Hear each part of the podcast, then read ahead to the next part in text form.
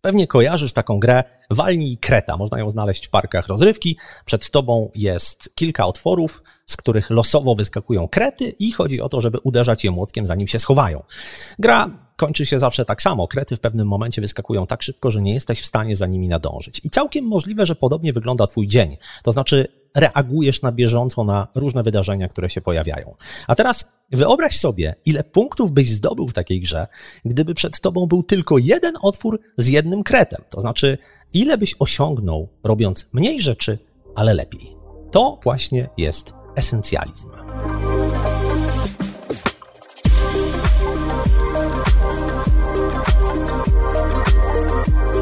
Marek Janklowski, witam w 373 odcinku podcastu Mała Wielka Firma, którego tematem jest esencjalizm. I od razu powiem, że wybór gościa do tego odcinka może ci się wydawać zaskakujący, ale za chwilę przekonasz się, że jednak ma sens, bo czasem jest tak, że wydaje nam się, że znamy jakąś osobę, ale nagle dowiadujemy się o niej czegoś zupełnie nowego, co pozwala spojrzeć na tę osobę z innej perspektywy.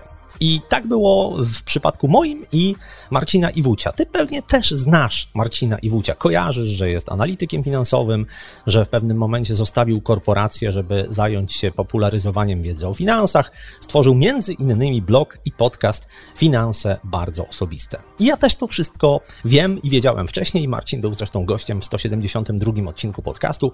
Rozmawialiśmy wtedy o zarządzaniu finansami w małej firmie. Ale Ostatnio dowiedziałem się o Marcinie czegoś jeszcze. Dowiedziałem się, że po przeczytaniu pewnej książki radykalnie zmienił swoje podejście do pracy. Ta książka nosi tytuł Esencjalista, jej autorem jest Greg McEwen i zainteresowały mnie dwie rzeczy. Po pierwsze to, jak Marcin pracował z tą książką, bo to jest nie tylko jej przeczytanie, ale też taka głębsza analiza, i od tego zaczniemy naszą rozmowę, a później skupimy się na tym, jakie wnioski Marcin wyciągnął z lektury esencjalisty i przede wszystkim, jak te wnioski wdrożył w swoim codziennym działaniu. Zapraszam do posłuchania rozmowy z Marcinem Iwuciem.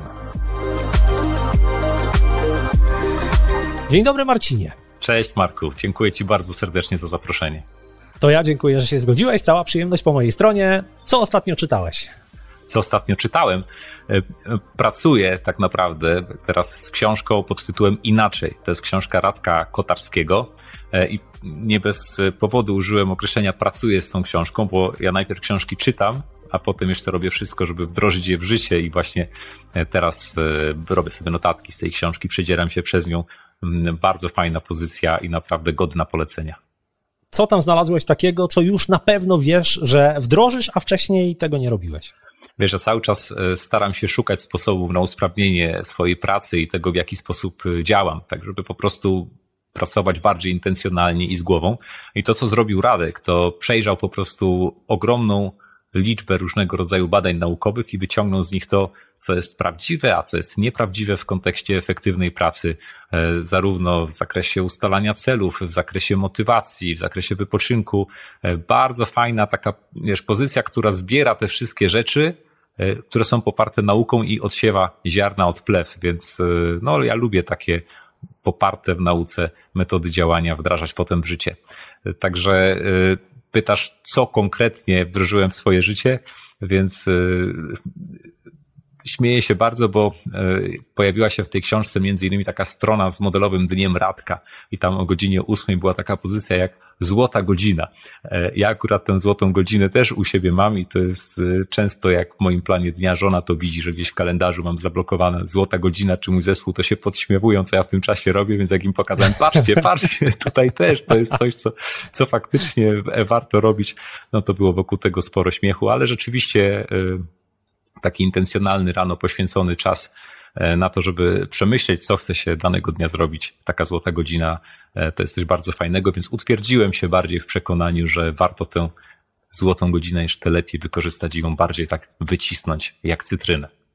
Powiedziałeś, że pracujesz tą książką i właśnie o pracy z książkami tak naprawdę chcę z Tobą dzisiaj pogadać, dlatego że e, widzieliśmy się e, niedawno na konferencji Influencers Live we Wrocławiu i Ty powiedziałeś tam wtedy w pewnym momencie ze sceny, e, wspomniałeś o książce Esencjalista i wspomniałeś o tym właśnie, jak z nią pracowałeś. I mimo że to był moment tak naprawdę w tym twoim wystąpieniu, to zrobiło to na mnie takie wrażenie, że pomyślałem, że warto o tym pogadać, bo mam wrażenie, mm, że, i mam takie wrażenie dlatego, że sam się na tym przyłapuję, że y, czasami tak lecimy przez te kolejne książki i mamy głód łykania ciągle jakiejś nowej wiedzy, czy znajdowania jeszcze lepszych, jeszcze doskonalszych sposobów, żeby coś tam osiągnąć.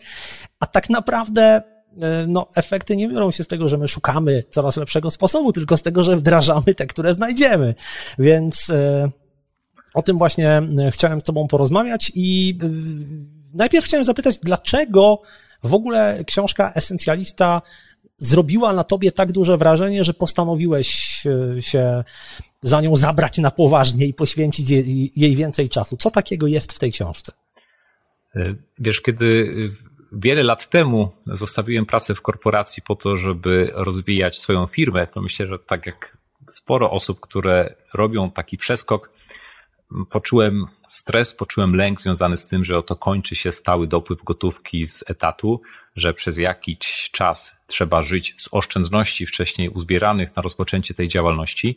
W związku z tym, gdy tylko pojawiały się jakieś oferty współpracy, czy wystąpień, czy po prostu sposoby na to, żeby zarobić pieniądze, no to ja dość skwapliwie z tych wszystkich rzeczy korzystałem. Z jednej strony bardzo się ciesząc, no bo to dawało mi taki większy spokój, uf, finansowo jednak jest życie po życiu i po etacie też można jakoś sobie mm, radzić, ale z drugiej strony e, nałożyłem sobie na talerz tych rzeczy naprawdę dużo i po prostu po kilkunastu miesiącach takiej pracy byłem mocno zmęczony, e, wycieńczony, a w dodatku pomysły, z którymi zaczynałem swoją pracę, no, nie były realizowane. I ta książka Esencjalista wskazała mi to miejsce, w którym popełniam błąd. Pokazała mi, jak ważne jest to, żeby odrzucać propozycje, nawet takie bardzo dobre, po to, żeby skupić się na tym, co w długim terminie jest absolutnie najlepsze i co w największy sposób przełoży się na to, co chcemy w życiu osiągnąć. I jest napisana tak bardzo moim zdaniem konkretnie. Mówię, zrobiłem tą pauzę, zastanawiając się, bo jeżeli ją się tylko przeczyta, tak jeden raz przelecisz przez tę książkę, to powiesz sobie, no tak, prosta idea, rób mniej, ale lepiej, kropka. Ale kiedy zaczyna się w nią w, w tak porządnie zagłębiać i wyciągać te konkretne, bardzo konkretne podpowiedzi, przykłady, jak można zastosować w życiu tę samą ideę esencjalizmu, no to zaczynają dziać się naprawdę fajne rzeczy i ta książka bardzo mi pomogła. Y, czytałem ją około trzech razy. Czterokrotnie przesłuchałem e, audiobook z tą książką, więc znam pewne ustępy e, na pamięć. Tutaj mam, e, pewnie nie będzie widać szczegółów, ale to są moje notatki z esencjalisty, które e, trzymam sobie, taka mapa myśli z wynotowanymi najważniejszymi sprawami. Regularnie do nich powracam i staram się odhaczyć, dobra, to już wprowadzone, to już wprowadzone, to już mi się udaje, a to jeszcze nie. A wszystko właśnie po to, żeby tak nie przeskakiwać z książki na książkę, tylko skoro znalazłem coś, w czym znajduje się tak dużo odpowiedzi na dręczące mnie pytania, no to trzeba to wdrożyć w życie, a nie przeskoczyć do następnej książki, bo jak będziemy tak skakać, to będziemy mieli tylko taki, wiesz, krótkoterminowy zastrzyk motywacji, która szybko przeminie, ale efektów w życiu nie będzie. No właśnie. Do treści książki jeszcze wrócimy i, i pogłębimy to, o czym tam autor pisze, ale zastanawiam się, y, czy ta książka była w Twoim przypadku wyjątkiem, czy Ty masz po prostu taki sposób pracy z książkami, że jak czytasz kilka razy, słuchasz w formie audiobooka, y, jak, jak, to, jak to wygląda? Z tą książką spędziłem najwięcej czasu, y, ale to jest mój sposób na czytanie książek. No myślę, że kiedyś, tak jak każdy, sięgając po jakąkolwiek literaturę, e, Mówię tutaj o takiej literaturze nie będącej fikcją, no bo oczywiście e, może poza Wiedźminem Sapkowskiego rzadko kiedy czytam dwukrotnie jakąś książkę, taką, która jest fikcją literacką, ale z, z takich książek poradnikowych, takich non-fiction, Kiedyś po prostu je czytałem, tak, wyciągałem z niej jedną, dwie rzeczy, jakieś hasło, które w głowie gdzieś tam zakiełkowało i potem mogłem je powtarzać w różnego rodzaju miejscach. Niewiele z tego wynikało, ale teraz no już od kilku dobrych lat, jeżeli trafi na książkę, czy nawet na jedną myśl w jakiejś książce, która wydaje mi się warta wdrożenia w życie, to po prostu zatrzymuję się i naprawdę staram się to wprowadzić w życie, przetestować, sprawdzić, zoptymalizować. E, oszczędza mi to mnóstwo czasu, e, bo no, nie czytam tak naprawdę bez potrzeby. E, tak można się śmiać, tak? Bo można powiedzieć, że im więcej książek, tym lepiej. Ja nie wierzę w takie powiedzenie ogólne, że wiedza to potęga. Moim zdaniem stosowana wiedza to potęga i szczególnie w takich pozycjach non-fiction uważam, że to jest bardzo prawdziwe. Powiedz, jak wygląda ta praca w szczegółach? No bo rozumiem, że, znaczy, wspomniałeś o notatkach, powiedziałeś, że kilka razy przeczytałeś i przesłuchałeś. E, czy to było tak, że czytałeś i notowałeś, czy po przeczytaniu pewnego fragmentu robiłeś notatki z tego, co ci utkwiło w głowie? Bo wiesz, wydaje mi się, ja mam taką obawę, że sięgając drugi, trzeci, czwarty raz pod tę samą książkę, ja ponieważ wiem już teoretycznie, co tam jest w środku, to po pierwsze strasznie się nudzę, wchłaniając tę samą treść kolejny raz. Znaczy, z takim nastawieniem siadam, że będę się nudził. A po drugie, ponieważ wydaje mi się, mam takie przeświadczenie, że ja już wiem, co tam jest, to trochę idę na skróty. To jest tak jak z poprawianiem własnego tekstu. My sami po sobie często nie wyłapiemy literówek, no bo widzimy ten tekst po raz kolejny, ktoś inny owszem. Więc jakie ty masz sposoby na to, żeby rzeczywiście nie tylko przelatywać przez tę treść kolejny raz, ale żeby wyciskać z niej maksimum wartości. Jasne. E, to jest kilka elementów, na które też właśnie zwróciłeś uwagę. Owszem, może się wydawać, że kiedy drugi raz czytamy książkę, to, to może być nudne. I pewnie czytanie książki od deski do deski drugi raz byłoby nudne. Ale tutaj z wielką pomocą przychodzą audiobooki i za chwileczkę do tego nawiążę, ale po kolei jak to wygląda. E, jeżeli jest to książka papierowa, w moim przypadku zawsze jest ona mocno pokreślona. E, piszę po niej długopisem, ołówkiem, podkreślam te miejsca, które uważam są warte mojego głębszego przemyślenia, ale to nie jest moment, kiedy zatrzymuję się nad tą lekturą. Po prostu czytam sobie dalej, bo jestem najzwyczajniej w świecie zainteresowany, co tam się w tej książce znajduje, więc można powiedzieć, że nie wiem, kilka procent tej treści, przez którą przebnę w, za pierwszym razem przyciąga tą moją uwagę. Bardzo często to jest na przykład y, książka w formie e-booka, czy tam na Kindlu, gdzie mogę sobie robić podkreślenia, zostawiać tam komentarze i to jest takie moje pierwsze czytanie, tak? I po czymś takim mogę powiedzieć, no, przeczytałem książkę.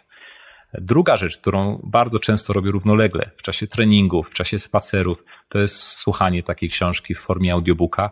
I no, bardzo często jest tak, że słuchając tego audiobooka, nie wiem, przy zmywaniu naczynia się wyłączam na jakiś czas, nawet nie słyszę, co tam jest mówione, ale za chwilę okazuje się, że pojawia się w tym innym, nowym kontekście jakaś treść, której w ogóle nie wyłapałem czytając książkę. Więc y, książki, które zrobią na mnie naprawdę duże wrażenie, czytam najpierw w formie papierowej czy w formie booka, ale potem jeszcze słucham jej właśnie jako audiobook, bo to są zupełnie inne konteksty, zupełnie inaczej odbierają ćwicząc na siłowni, zupełnie inaczej na spacerze, a zupełnie inaczej jak zmywam w tym czasie naczynia czy sprzątam mieszkanie. I to wdrożenie w życie następuje dopiero potem, czyli kiedy już to sobie wszystko skończę, podoba mi się idea w tej książce, to biorę ją i po kolei to, co tam podkreśliłem, co wypisałem, zastanawiam się drugi raz, dlaczego to podkreśliłem, co to dla mnie znaczy i co mogę zrobić, żeby wprowadzić po prostu w życie, jeżeli uznaję, że to ma sens. Powiedz mi, przechodząc do samej treści książki Esencjalista, co tam było takiego poza, poza tą sytuacją, w której byłeś, e, opowiadałeś, że e, no, robiłeś na początku bardzo wiele rzeczy, kiedy odszedłeś z etatu i zacząłeś robić swoje, później się okazało, że tego jest za dużo, trzeba było wybierać. Co jest dla ciebie największą nauką z tej książki? Czymś takim, co, no, nie wiem, czy nie przesadzę, ale zmieniło twoje życie być może? Myślę, że taką bardzo prostą myślą, ale naprawdę trudną do wprowadzenia jest e, zrozumienie, że to ja mam wybór. Bardzo często mówimy sobie, muszę coś zrobić, e, bo muszę spełnić oczekiwania jakichś innych osób, muszę pójść na jakieś spotkanie, muszę wykonać jakieś zadanie, a ta książka pokazuje, że nie muszę, że to jest mój wybór. Naprawdę, jak wiesz, nie chcesz iść w środę do pracy, to nie idź. To jest twój wybór, że idziesz. Oczywiście czujemy zewnętrzny przymus, ale tak naprawdę mamy w każdej chwili wybór, co robimy i jak spędzimy dany czas. I tego wyboru nikt nie może nam odebrać, ani pracodawca, ani klienci, ani nikt inny. Więc jeżeli coś musimy zrobić, to dlatego, że sami siebie w takiej sytuacji postawiliśmy, pracując w tej firmie, czy pracując e, dla takich czy innych klientów. To jest oczywiście takie ekstremalnie e, posunięte, ale w momencie, kiedy przestajemy mówić sami do siebie, muszę to zrobić, a zaczynamy mówić, chcę to zrobić, to się wszystko zmienia, bo wtedy możemy sobie zadać następne pytanie, czy na pewno to jest to, co chcę zrobić. I to jest taki, to, to, to, to taka zdanie sobie sprawy, że mam wybór, że to naprawdę ja jestem architektem tego mojego życia, a nie okoliczności, nie inni ludzie. I że może na początku ten obszar, w którym mogę być tym architektem, jest mały, bo gdzieś tam z boku mam ileś tych spraw, które potrzebuję dokończyć, to z czasem, kiedy każdą następną sprawę wkładam na talerz, przepuszczając ją przez taki system ekstremalnych kryteriów, no, można naprawdę na spokojnie zacząć to swoje e, życie kształtować. A więc mam wybór i nikt tego wyboru nie może mi zabrać. To ja mogę się tego wyboru pozbawić, bo nabiorę sobie dookoła różnych innych rzeczy, ale zawsze mam wybór. Mam wybór, czy chcę iść na jakieś spotkanie, mam wybór, czy chcę się z kimś spotkać, mam wybór, czy chcę zrobić taką, a nie inną współpracę, czy napisać taki, a nie inny artykuł, czy przygotować materiał. I każdy z nas ma taki wybór. Mm, dla mnie to był, to to była taka myśl, która naprawdę uwolniła mnie od y, ciągłego poczucia przymusu. Wiesz co, znaczy to dobrze brzmi, mam wybór. Tyle tylko, że to, to tak naprawdę mówimy tutaj o asertywności. To znaczy, e, mam wybór, czyli czuję się na siłach odmówić pewnym ludziom, na przykład, wobec których wcześniej poczyniłem jakieś zobowiązania, albo czuję się na siłach nie realizować jakiegoś projektu, który już sobie w głowie zaplanowałem i jednak mi się zmieniło. Więc y, czy to nie jest tak, że w tym mam wybór, tak naprawdę najtrudniejsze jest właśnie odmawianie i pogodzenie się z tym, że przyszłość nie będzie wyglądała tak, jak ktoś sobie wyobraża z moim udziałem, albo jak ja sobie wcześniej myślałem? Wiesz, gdybyśmy skończyli tylko na zdaniu mam wybór, to, to książka do wyrzucenia do kosza, ale zapytałeś o jedną rzecz, która mi po prostu otworzyła, otworzyła oczy w tej konkretnej sytuacji życiowej, w której byłem, czyli wtedy, kiedy czułem, że ja muszę, że muszę ileś tam rzeczy zrobić, a wtedy mogę się zatrzymać i powiedzieć, no musisz, bo tak wybrałeś, możesz wybrać inaczej i wybierać inaczej. E, asertywność to jest tylko jeden z elementów, bo tak naprawdę tam się trzy takie są bardzo ważne punkty. Pierwsza rzecz e, to jest eksploracja i ocena tego, czym się zajmę.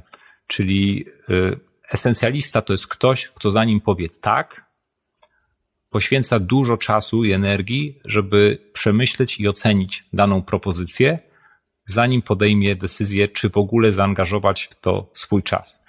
Czyli jak dostaję zaproszenie na konferencję, to nie mówię tak, tylko mówię, muszę to przemyśleć, proszę o więcej szczegółów, potrzebuję czas, żeby się zorientować, jak to zrobić. Czyli taki pierwszy punkt to są bardzo e, i oczywiście Greg McKeown w tej książce dokładnie podpowiada, jak to robić. To są takie ekstremalne kryteria decydowania o tym, co wkładamy sobie na talerz. Więc to jest punkt pierwszy. To powoduje, że już dużo mniej rzeczy niż kiedyś na taki nasz talerz wpada. Drugi punkt to jest eliminacja, e, czyli zdanie sobie sprawy z tego, że tak naprawdę większość rzeczy, którymi się zajmujemy, to jest swego rodzaju szum. I bardzo dużą część tego szumu można po prostu wyciąć. Wyciąć podnosząc słuchawkę i powiedzieć, drodzy Państwo, współpracujemy ze sobą, jest super, ale z tego powodu nie mogę robić innych rzeczy, bardzo przepraszam, tę współpracę będziemy wygaszać to jest zdecydowanie się na to, żeby pewne rzeczy, które robimy, czasem z przyzwyczajenia, czasem z poczucia obowiązku, a czasem nie wiemy tak naprawdę dlaczego, wyciąć ze swojego życia i nie zajmować się z nimi, bo to jest, to jest po prostu bardzo, bardzo uwalniające.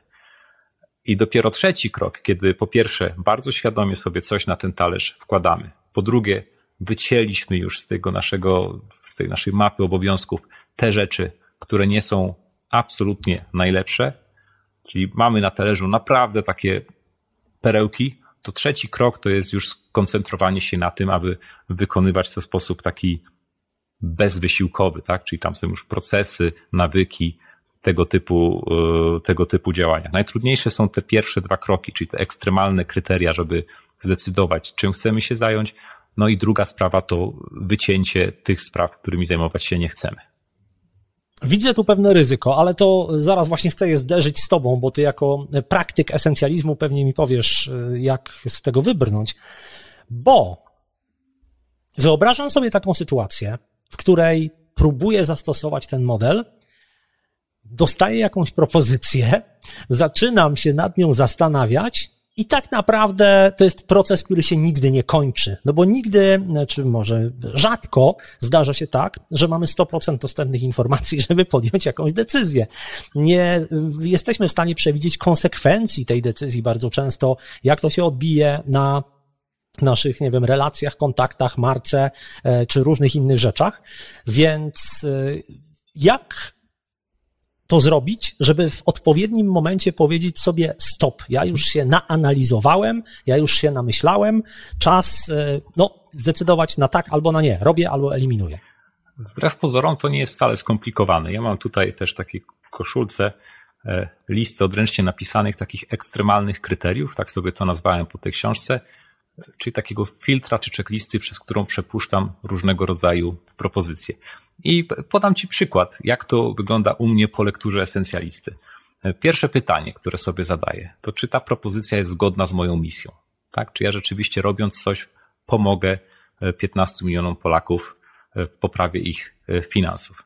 Druga rzecz, ile realnie zajmie to czasu? Czyli staram się oszacować, czy to faktycznie będzie pół godzinki rozmowy, panie Marcinie, czy to może, czy mówimy godzinne wystąpienie, czy tak naprawdę godzinne wystąpienie to znaczy, że trzy dni trzeba się do niego przygotowywać. Punkt trzeci. Dodaj 50% bufor, bo wiadomo, że nigdy tego nie doszacujemy. Czyli jak szacuję, że coś mi zajmie trzy dni, to tak naprawdę 4,5 dnia muszę na to poświęcić. Kiedy mam już to, to jest następne pytanie. Jeżeli zrobię to, to czego w tym czasie nie zrobię. I to jest właśnie taki reality, reality of trade-offs, czyli w esencjalizmie, w esencjalizmie bardzo ważne jest to, żeby zdać sobie sprawę, że nie da się robić dwóch rzeczy naraz, nie da się koncentrować na dwóch rzeczach naraz. Można próbować robić, ale koncentrować się na dwóch rzeczach naraz nie da się i zawsze coś dzieje się kosztem czegoś innego. Czyli praca musi być kosztem na przykład rodziny, albo jeżeli jadę na konferencję, to w tym czasie nie piszę książki.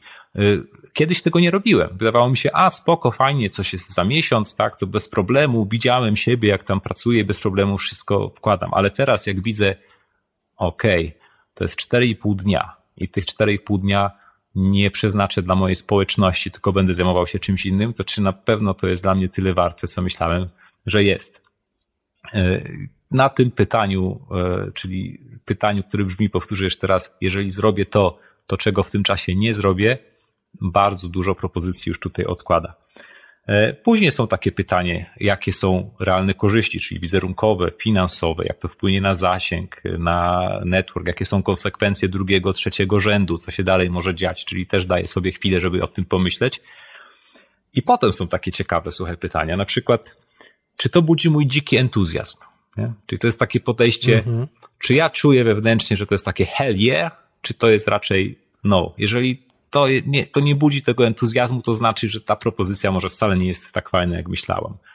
No i wreszcie, czy łapie się na takich, czy to jest takie top 10% opportunity, czyli takie, takie, przepraszam za, za ten angielski, ale patrzę na tą listę, czy to jest tych takich, że jakbym wziął wszystkie różne propozycje, czy to jest, ona by się mieściła w takich 10% najlepszych propozycji o których, y, o których y, ja marzę, o których myślę.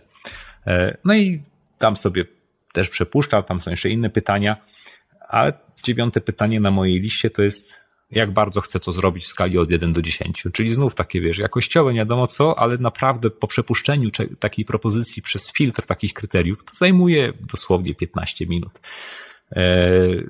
To, to, to dopiero dziesiąty punkt to jest decyzja.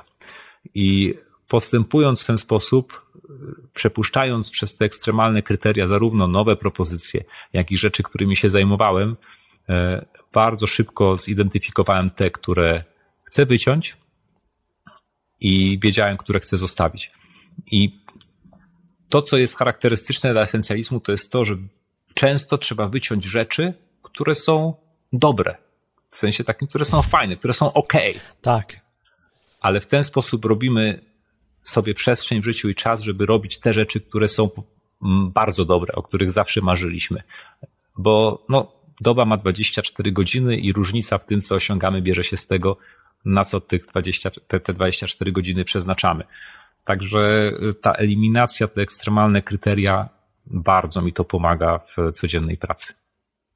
Zastanawiam się nad kryterium, czy to budzi mój dziki entuzjazm, dlatego że e, wydaje mi się, że to jest bardzo trudne do spełnienia. To znaczy, myślę, że popraw mnie, jeżeli się mylę, ale mam wrażenie, że ludzie im są starsi, im mają większe doświadczenie, im więcej w życiu przeżyli i osiągnęli, tym mniej mają takich rzeczy, które budzą ich dziki entuzjazm.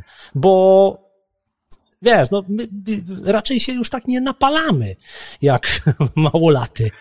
Więc e, jak, jak ci przychodzi radzenie sobie z tym kryterium? Pierwsza sprawa, zwróć uwagę, że ono jest y, dość nisko, tak? W sensie, patrzcie, to jest szósty punkt na mojej liście, czyli bardzo często jest tak, że nawet jeżeli, wiesz, jest ryzyko, że coś budzi mój dziki entuzjazm i mógłbym przyjąć to tylko z tego powodu, to ja najpierw przepuszczam to przez tych pięć pierwszych pytań, więc ten entuzjazm już jest odpowiednio stonowany. To jest y, pierwsza sprawa ale druga, nie wiem, może to kwestia charakteru. W, u mnie jest wciąż mnóstwo rzeczy, które bardzo mnie cieszą i budzą mój ogromny entuzjazm. No, zaproszenie od ciebie do rozmowy, y, wiesz, mała, wielka firma. O, dziękuję ci bardzo. To, tak jak ci odpisałem, prawda, w tym, to momentalnie jak gdyby wiedziałem, że to jest coś takiego, że to jest właśnie y, to.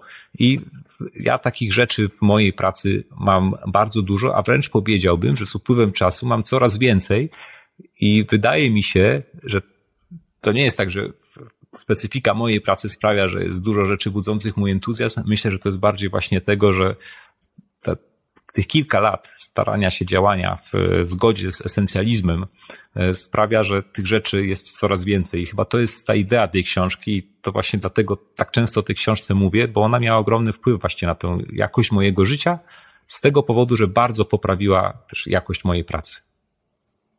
A jak w praktyce realizujesz to kryterium? Czy to jest ta szansa z górnych 10%? E, to też nie jest jakieś, wiesz, mocno ilościowe, e, ilościowe kryterium, ale po prostu są pewne wydarzenia, są pewne działania, o których się myśli, o których e, się marzy. I czasami po prostu to wygląda tak, że wchodzi takie marzenie, nie wiem, wystąpienie na jakimś potężnym audytorium, czy ja robiąc coś raz i robiąc bardzo dobrze, mogę bardzo przyspieszyć realizację mojej misji.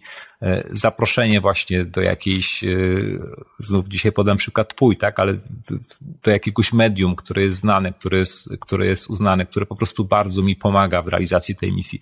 A zupełnie czymś innym jest, e, nie wiem, prośba od kolegi, kolegi, który zwraca się do mnie o to, żeby rzucić okiem na jego portfel inwestycyjny, bo zajmie mi to godzinkę, dwie, więc panie Marcinie, nie powinno być z tym problemu, nie? Więc, y, no, ta, ten drugi przykład raczej nie załapie się na tych 10, 10%. Y,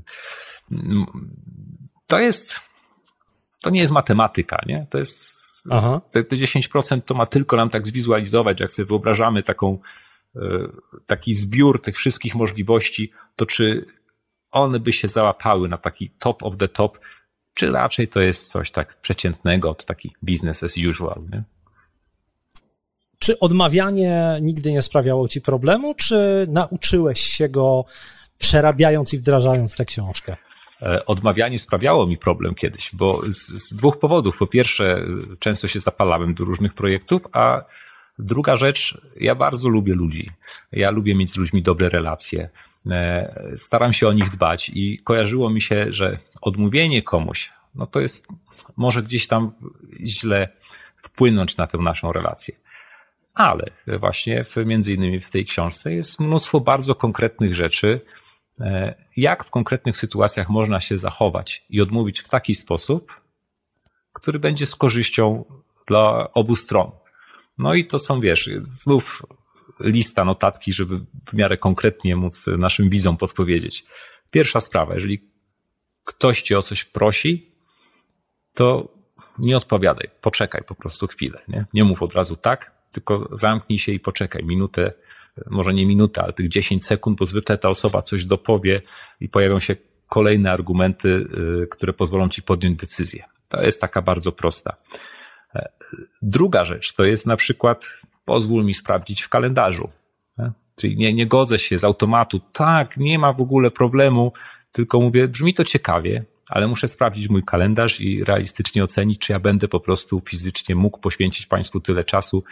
No, mam takie podejście, że staram się wszystko to, co robię, robić dobrze, a to wymaga czasu, więc nie wiem, nie, nie jestem w stanie teraz się zadeklarować. To daje po prostu nam przestrzeń do tego, żeby nie godzić się automatycznie, czy to w czasie spotkania, czy w czasie e, rozmowy telefonicznej. E, kolejna sprawa. Maile z automatyczną odpowiedzią, tak? które też ściągają z nas taką, taką potrzebę odmawiania e, z defaultu. Nauczyłem się takich rzeczy, że nie wiem, dzwoni do mnie jakiś nieznany numer a ja akurat pracuję, to mam automatyczną odpowiedź, nie mogę teraz rozmawiać, proszę o SMS, bo jeśli sprawa jest ważna, jeśli komuś zależy, napiszę SMS, ja będę w stanie wtedy lepiej e, o tę propozycję ocenić, a nie z automatu na przykład na coś się godzić. E, to jest wreszcie powiedzenie nie z humorem, tak? I to często mi się zdarza, to mi przychodzi najbardziej prosto, że ktoś mi proponuje, obiecuje złote góry, ja się śmieję, mówię, super, fajna propozycja, ale nie, no muszę niestety odmówić.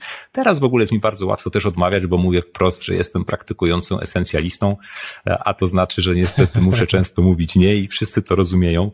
E, bardzo często też jestem w stanie powiedzieć nie, ja nie mogę pomóc, ale znam osobę, która e, może pomóc w moje miejsce i to też bardzo często, e, e, często można wykorzystywać. Takich przykładów właśnie w tej książce jest sporo i powiem Ci, że z czasem zmienia się w ogóle postrzeganie. Tak jak kiedyś pierwszą domyślną odpowiedzią na każdą propozycję było tak, jasne, chętnie, to teraz automatyczną odpowiedzią jest nie, muszę to dokładnie przemyśleć, nie robiłbym wielkich nadziei, że coś z tego będzie, ale wrócę po przemyśleniu i wtedy, i wtedy na spokojnie odpowiem. I okazuje się, że takie nie, nie tylko nie psuje tej relacji, ale ono wręcz ją wzmacnia, bo ktoś nie traci czasu licząc na to, że my coś dla niego e, zrobimy, tylko może pójść dalej. I odkąd zacząłem to stosować, mi jest dużo łatwiej, wielu innym osobom jest dużo łatwiej. A widzisz, też robisz ze mną dzisiaj y, rozmowę na temat esencjalisty, właśnie między innymi dlatego, że staram się, żeby jak najwięcej osób wiedziało, że dla mnie ten esencjalizm jest ważny, bo to też powoduje, że mniej zawracają mi głowę i przychodzą ze sprawami takimi bardziej przemyślanymi. A ty spryciarzu, to jest bardzo dobra taktyka, rzeczywiście. E, no tak, tak, tak, ma to sens. E, do, powiedzieliśmy o tym zastanawianiu się, powiedzieliśmy o eliminowaniu i odmawianiu, więc dochodzimy do trzeciego etapu, czyli wykonaj bezwysiłkowo.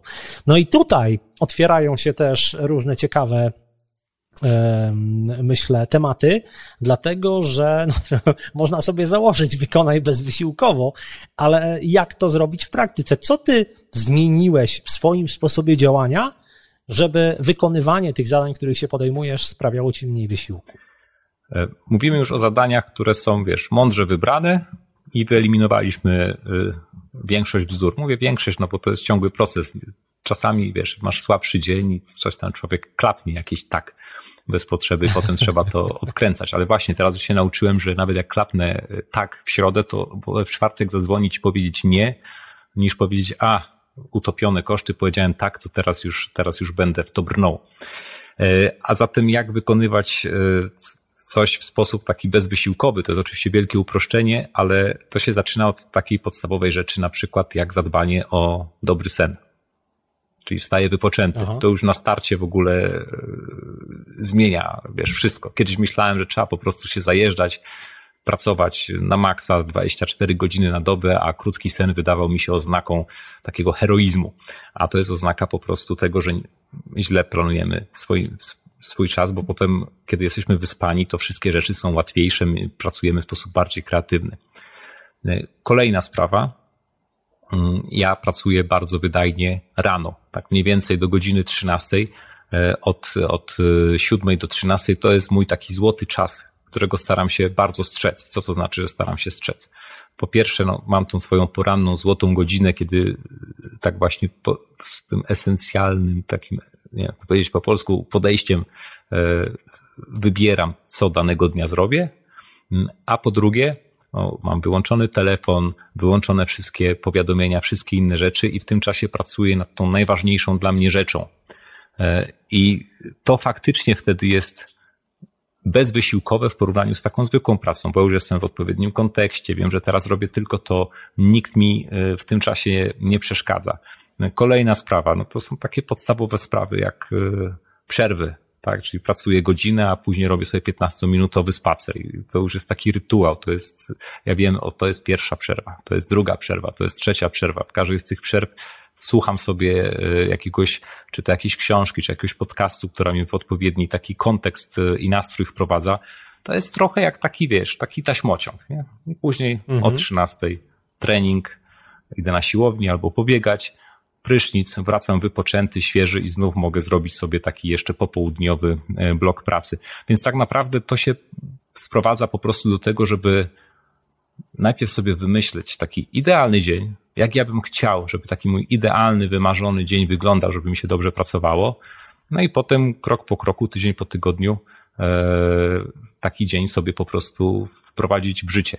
Nie zawsze to wychodzi, ale mam już w tej chwili w głowie taki schemat i, i też wszyscy wiedzą, nie wiem, że jest 13, to e, pewnie ćwiczę, więc e, powodzenia nigdzie mnie się nie złapie. Nie? E, no tak, kiedyś godzina 13 się zupełnie inaczej kojarzyła, ale to były inne ćwiczenia. Wiesz, tak naprawdę ja mam na myśli właśnie to, o czym ty mówisz, ale tak nazywam, że to trening. Tak, o 13 alkohol, do 13 można. Tak. O 13 otwierali sklepy alkoholowe kupić. w Polsce. Tak, tak. tak. E, to były czasy. E, powiedz mi, jeżeli chodzi o e, ten wybór rzeczy, które chcesz albo nie chcesz zrobić, to czy to jest tak, że magazynujesz sobie, czy rezerwujesz sobie jakiś czas na podejmowanie takich decyzji, czy to masz już tak w tej chwili wyćwiczone, że wpada decyzja, patrzysz na nią, przelatujesz ten swój proces i wiesz, tak albo nie? Mhm. E, to zależy. Bardzo często mówię nie już, już od razu na wstępie, razu? bo czuję, że to, mhm. że to nie będzie to. Jeżeli jakaś propozycja wymaga przemyślenia, y, no to proszę o przesłanie szczegółów na adres e-mail, tam dokładnie co i jak, dlaczego. No jeżeli się komuś nie chce tego zrobić, to widocznie nie jest to aż tak istotne też dla tych, y, dla tych osób, a ja naprawdę wiem, co mam robić i jak mam to zrobić, więc daję sobie czas. A nie magazynuję ich jakoś specjalnie, wiesz, staram się nie trzymać długo w, w napięciu kogoś, tylko tak szybko jak to możliwe dać tę odpowiedź, ale muszę mieć też pewność, że ja jestem wypoczęty, kiedy podejmuję taką decyzję. Wiesz, bardzo często e, nasza silna wola to jest trochę jak taka, jak, jak taka bateria, nie? Więc bardzo często my wieczorem no już mamy malutko tej silnej woli, już dużo większe jest prawdopodobieństwo, że sięgniemy po chipsy, a nie po chrupiącą marchewkę i tak samo jest z różnymi propozycjami. Więc wieczorami, wtedy, kiedy jestem zmęczony po całym dniu, kiedy wiem, że ten mój poziom silnej woli, takiego krystalicznie czystego myślenia o tym, co warto robić, co nie jest najmniejszy, nigdy nie podejmuję takich decyzji. Robię to właśnie tylko, tylko rano, świadomie planując. E, I dodatkowo jeszcze, no, teraz mam też swój zespół, więc e, bardzo mi w tym e, pomaga, czy, czy Andrzej, czy Ania, e, którzy po prostu weryfikują pewne propozycje dla mnie i dbają też o to, żebym ja nie brał sobie za dużo na głowę, w tym sensie, że nawet kiedy ja mówię, o, to jest fajna propozycja, coś zróbmy, to oni trochę starają się być takimi adwokatami diabła, e, żebym tego swojego czasu nie angażował może, czy żebym dostrzegał też wszystkie takie ryzyka, ale to też dlatego, że ja ich cały czas uczulam na tym e, esencjalizm, esencjalizm, trzymajmy się tego, więc oni mi w tym też pomagają. Jak sobie radzisz z takim lękiem, że coś cię jednak omija? No bo nawet jeżeli zastosujesz te wszystkie kryteria, to pewnie są takie sytuacje, zgaduję, że coś odłożyłeś, odpuściłeś, a okazuje się, że to było, wiesz, lepsze niż ci się wydawało na początku. No jest takie poczucie straty. Tak, taki klasyczny fear of missing out, tak? FOMO. Tak. E, za, miewałem coś takiego, szczególnie na początku, kiedy zacząłem to zrobić. E, I temat załatwiła mi e, krótka książeczka Sir Richarda Bransona. Wydaje mi się, że to było w Screw It, Let's Do It, gdzie on napisał, że okazje biznesowe są jak autobusy. Co chwilę podjeżdża następny. I, i, to mi jak gdyby zamknęło temat. Przestałem się przejmować. Trudno, jak jakaś okazja przeszła, w ogóle o niej nie myślę. Było, minęło. E, za chwilę podjedzie następna i dokładnie tak do tego podchodzę, więc e, lęki się skończyły. Aha. Gdybyś miał, bo w ogóle dzisiaj rozmawiamy, nagrywamy tę rozmowę w wyjątkowym dniu, jak się okazało tuż przed rozmową dla mnie. E, to znaczy, dzisiaj dokładnie mija 8 lat od kiedy opublikowałeś swój pierwszy wpis na blogu. Tak, a dowiedziałem się tego, e, bo. Przypadkiem. Tak, bo moi współpracownicy przyszli tu z tortem, z balonami. Ja nie wiedziałem w ogóle o co chodzi, bo co to za rocznica 8 lat od, od publikowania. To faktycznie 8, 8 lat e, od dnia, w którym ruszył blog Finanse, bardzo osobiste, bardzo ważna dla mnie data. No to jeżeli porównasz siebie z początku wprowadzenia bloga i siebie z dzisiejszej perspektywy, to co się zmieniło? Y, wiesz, nie, nie, nie pytam o to, co osiągnąłeś, bo to jest jakby jedna sprawa, ale coś, jak się zmieniło Twoje myślenie, Twoje nastawienie do pracy wtedy, a dzisiaj? Wiesz, w 8 lat y, można skończyć podstawówkę, o ile się gdzieś po drodze, tak jak rozmawialiśmy, nie, nie kiblowało. E, I ja tak się trochę czuję, wiesz, to co 8 lat temu e, wydawało mi się, że wiem o świecie, o życiu, o, o skutecznych metodach działania, a to, co wiem teraz, to pewnie można by tak porównać do rozwoju dziecka, które jest w pierwszej klasie a takiego absolwenta, który teraz może iść do gimnazjum. Ale właśnie, kluczowa sprawa, gimnazjum. E, zdaję sobie sprawę, jak wiele jest jeszcze rzeczy, których muszę się nauczyć i e, bardzo lubię takie podejście, e, to w książce Zasady Riadalio, który też tam gdzieś za mną jest, jest na półce. On tam bardzo fajne takie zdanie napisał, że to, czego nie wie, jest wielokrotnie większe od tego, co wie i trzeba zachować taką pokorę i skromność i cały czas tę swoją wiedzę, wiedzę rozwijać, więc ja wiem, że to jest tylko jakiś tam początek tych wszystkich rzeczy, które można zrobić, które można poprawić, że wszystko tak naprawdę ciągle jeszcze przede mną. Więc y, osiem lat temu myślałem, miałem bardzo taką uproszczoną, dwuwymiarową wizję rzeczywistości, y, którą można by sprowadzić do hasła pracuj z pasją, pracuj ciężko, będzie dobrze. A y, po tych ośmiu latach y, wiem, że nie pracuj ciężko, tylko pracuj mądrze, że pasja owszem, pod warunkiem, że sobie tę pasję, pasję y, wyrobisz, a zamiast jakoś to będzie, to po prostu zaplanuj dobrze swoją pracę, to wtedy będzie dobrze. Więc w moim sposobie myślenia w podejściu do pracy, też w takim podejściu do życia, bo jednak się gdzieś tam dojrzewa po drodze, zmieniło się bardzo dużo w tym czasie. No to myślę, że z tymi słowami możemy zostawić naszych słuchaczy, bo to rzeczywiście jest bardzo cenna nauka po, e, po ośmiu udanych latach, bo, bo tutaj no nie, ma, nie ma co mówić, że jest inaczej, bo rzeczywiście e, zrobiłeś wiele fajnych rzeczy i, pewnie jeszcze wiele przed sobą, przed tobą. E, powiedz mi jeszcze na koniec z tych projektów, które wybierasz i które prze, przechodzą przez to twoje sito, który w tej chwili jest dla ciebie najbardziej ekscytujący, z którym wiążesz największe nadzieje? Ta misja, którą zdefiniowałem dla swojej działalności, czyli dotarcie do 15 milionów Polaków, żeby dać im tą wiedzę finansową, dzięki czemu będą mogli realizować swoje pasje i marzenia, e, uświadomiłem sobie, że wiesz, takiej misji nie zrealizuję sam był taki czas, że moją receptą na to było to, że to będę miał zespół i z tym zespołem wspólnie będziemy tę misję realizować. I teraz wreszcie dojrzałem do tego, że tak naprawdę odpowiedź na to pytanie, siła i możliwość realizacji tego tkwi w społeczności, czyli w tym, żeby po prostu spotykać się z tymi ludźmi, dawać im jak najwięcej wartości prosić ich o to, żeby stali się trochę takimi wiesz, apostołami tego, co robimy, żeby pomagali nam w realizacji tej misji. Więc teraz jestem skupiony na tym, e, żeby z tą społecznością mieć kontakt.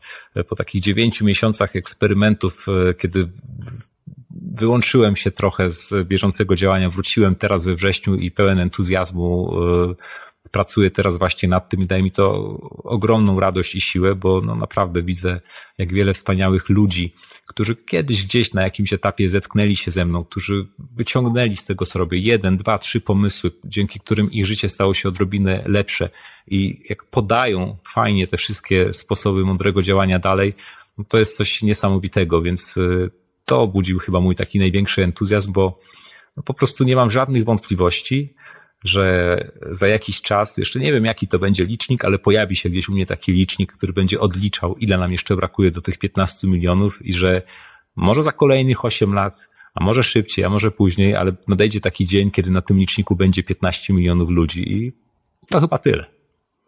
I co wtedy zrobisz? Odpocznę, pewnie.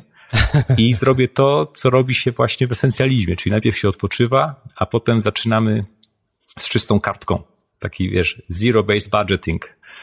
Czyli zrobiłem coś fajnego, więc daję sobie prawo do tego, żeby odpocząć, żeby się tym nacieszyć, żeby to celebrować, a potem biorę czystą kartkę i zastanawiam się, no dobrze, to co teraz esencjalisto weźmiesz na swój talent, e, na swój, na swój talerz, żeby wykorzystać swoje talenty, swoje silne strony i robić coś wartościowego. No to piękny plan. Życzę Ci w takim razie realizacji tej misji e, w stu procentach jak najszybciej. Trzymam kciuki. Dzięki wielkie. To ja Tobie bardzo dziękuję i powiem Ci, że chyba jeszcze nigdy nie miałem tak fajnej i ciekawej rozmowy, która by mnie skłaniała, wiesz, do takich refleksji, yy, które zwykle, po które zwykle nie muszę sięgać, nie? Bo ja zwykle mówię o finansach, o zarabianiu, o inwestowaniu, o takich dość przyziemnych rzeczach, a Ty mnie tutaj przemaglowałaś z takich spraw naprawdę bardzo, no, dla mnie również yy, ważnych, więc bardzo Ci za to dziękuję i mam nadzieję, że w jakiś sposób ta rozmowa pomoże również Twoim widzom i czytelnikom i tak jak mi kiedyś ten esencjalizm bardzo naprawdę pomógł w poprawie jakości mojego życia i pracy, to mam nadzieję, że przynajmniej jedna osoba e, z tego skorzysta i nawet dla takiej jednej osoby warto to zrobić. To był Marcin Iwódź, bardzo, bardzo dziękuję. Dla mnie takim namacalnym dowodem na to, że Marcin rzeczywiście trzyma się tych zasad, o których mówił w tym odcinku, jest jego książka, książka finansowa Forteca, którą wydał w 2020 roku. Kawał lektury, 800 stron, naprawdę czuć w ręce ten ciężar. I wiem, że aby napisać tę książkę, Marcin na dwa lata praktycznie zupełnie wyłączył się z bieżącej działalności, skupiał się tylko i wyłącznie na tym jednym projekcie. No i teraz pytanie brzmi, czy było warto? Wygląda na to, że tak, dlatego że z tego co wiem, to ta książka do tej pory już sprzedała się w nakładzie ponad 45 tysięcy egzemplarzy, więc to jest właśnie esencjalizm. Mniej projektów, ale na naprawdę bardzo wysokim poziomie, takich, którymi można się pochwalić. Prezentem do tego odcinka są notatki Marcina do książki Esencjalista. To jest graficznie opracowana forma notatek, które faktycznie Marcin sporządzał czytając tę książkę. Prezent znajdziesz na maławielkafirma.pl ukośnik 373 w notatkach do tego odcinka, a wszystkie prezenty dołączane do wszystkich przeszłych i przyszłych odcinków Małej Wielkiej Firmy są w klubie Małej Wielkiej Firmy, do którego możesz dołączyć bezpłatnie na stronie maławielkafirma.pl ukośnik klub. Zapraszam bardzo serdecznie. Są tam checklisty, ściągi, arkusze, e-booki, materiały wideo, różne, różne rzeczy, więc e, warto. Maławielkafirma.pl, ukośnik klub. Zapraszam. I to tyle ode mnie. Na razie, trzymaj się, cześć.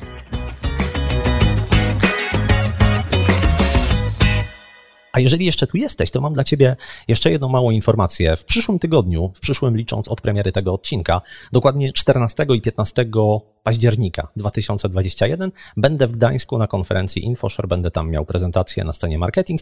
Jeżeli będziesz na InfoShare albo możesz się tam znaleźć, to bardzo Cię serdecznie zapraszam podejdź, przybijemy piątkę, pogadamy, bo e, niewiele mam takich okazji, żeby bywać w Polsce. To jest jedyna taka konferencja marketingowa tej jesieni, na której będę, więc im, im więcej takich spotkań, tym weselej z mojego punktu widzenia. Więc jeżeli możesz być na InfoShare, to zapraszam i mam nadzieję do zobaczenia. To już naprawdę wszystko. Na razie, trzymaj się, hej.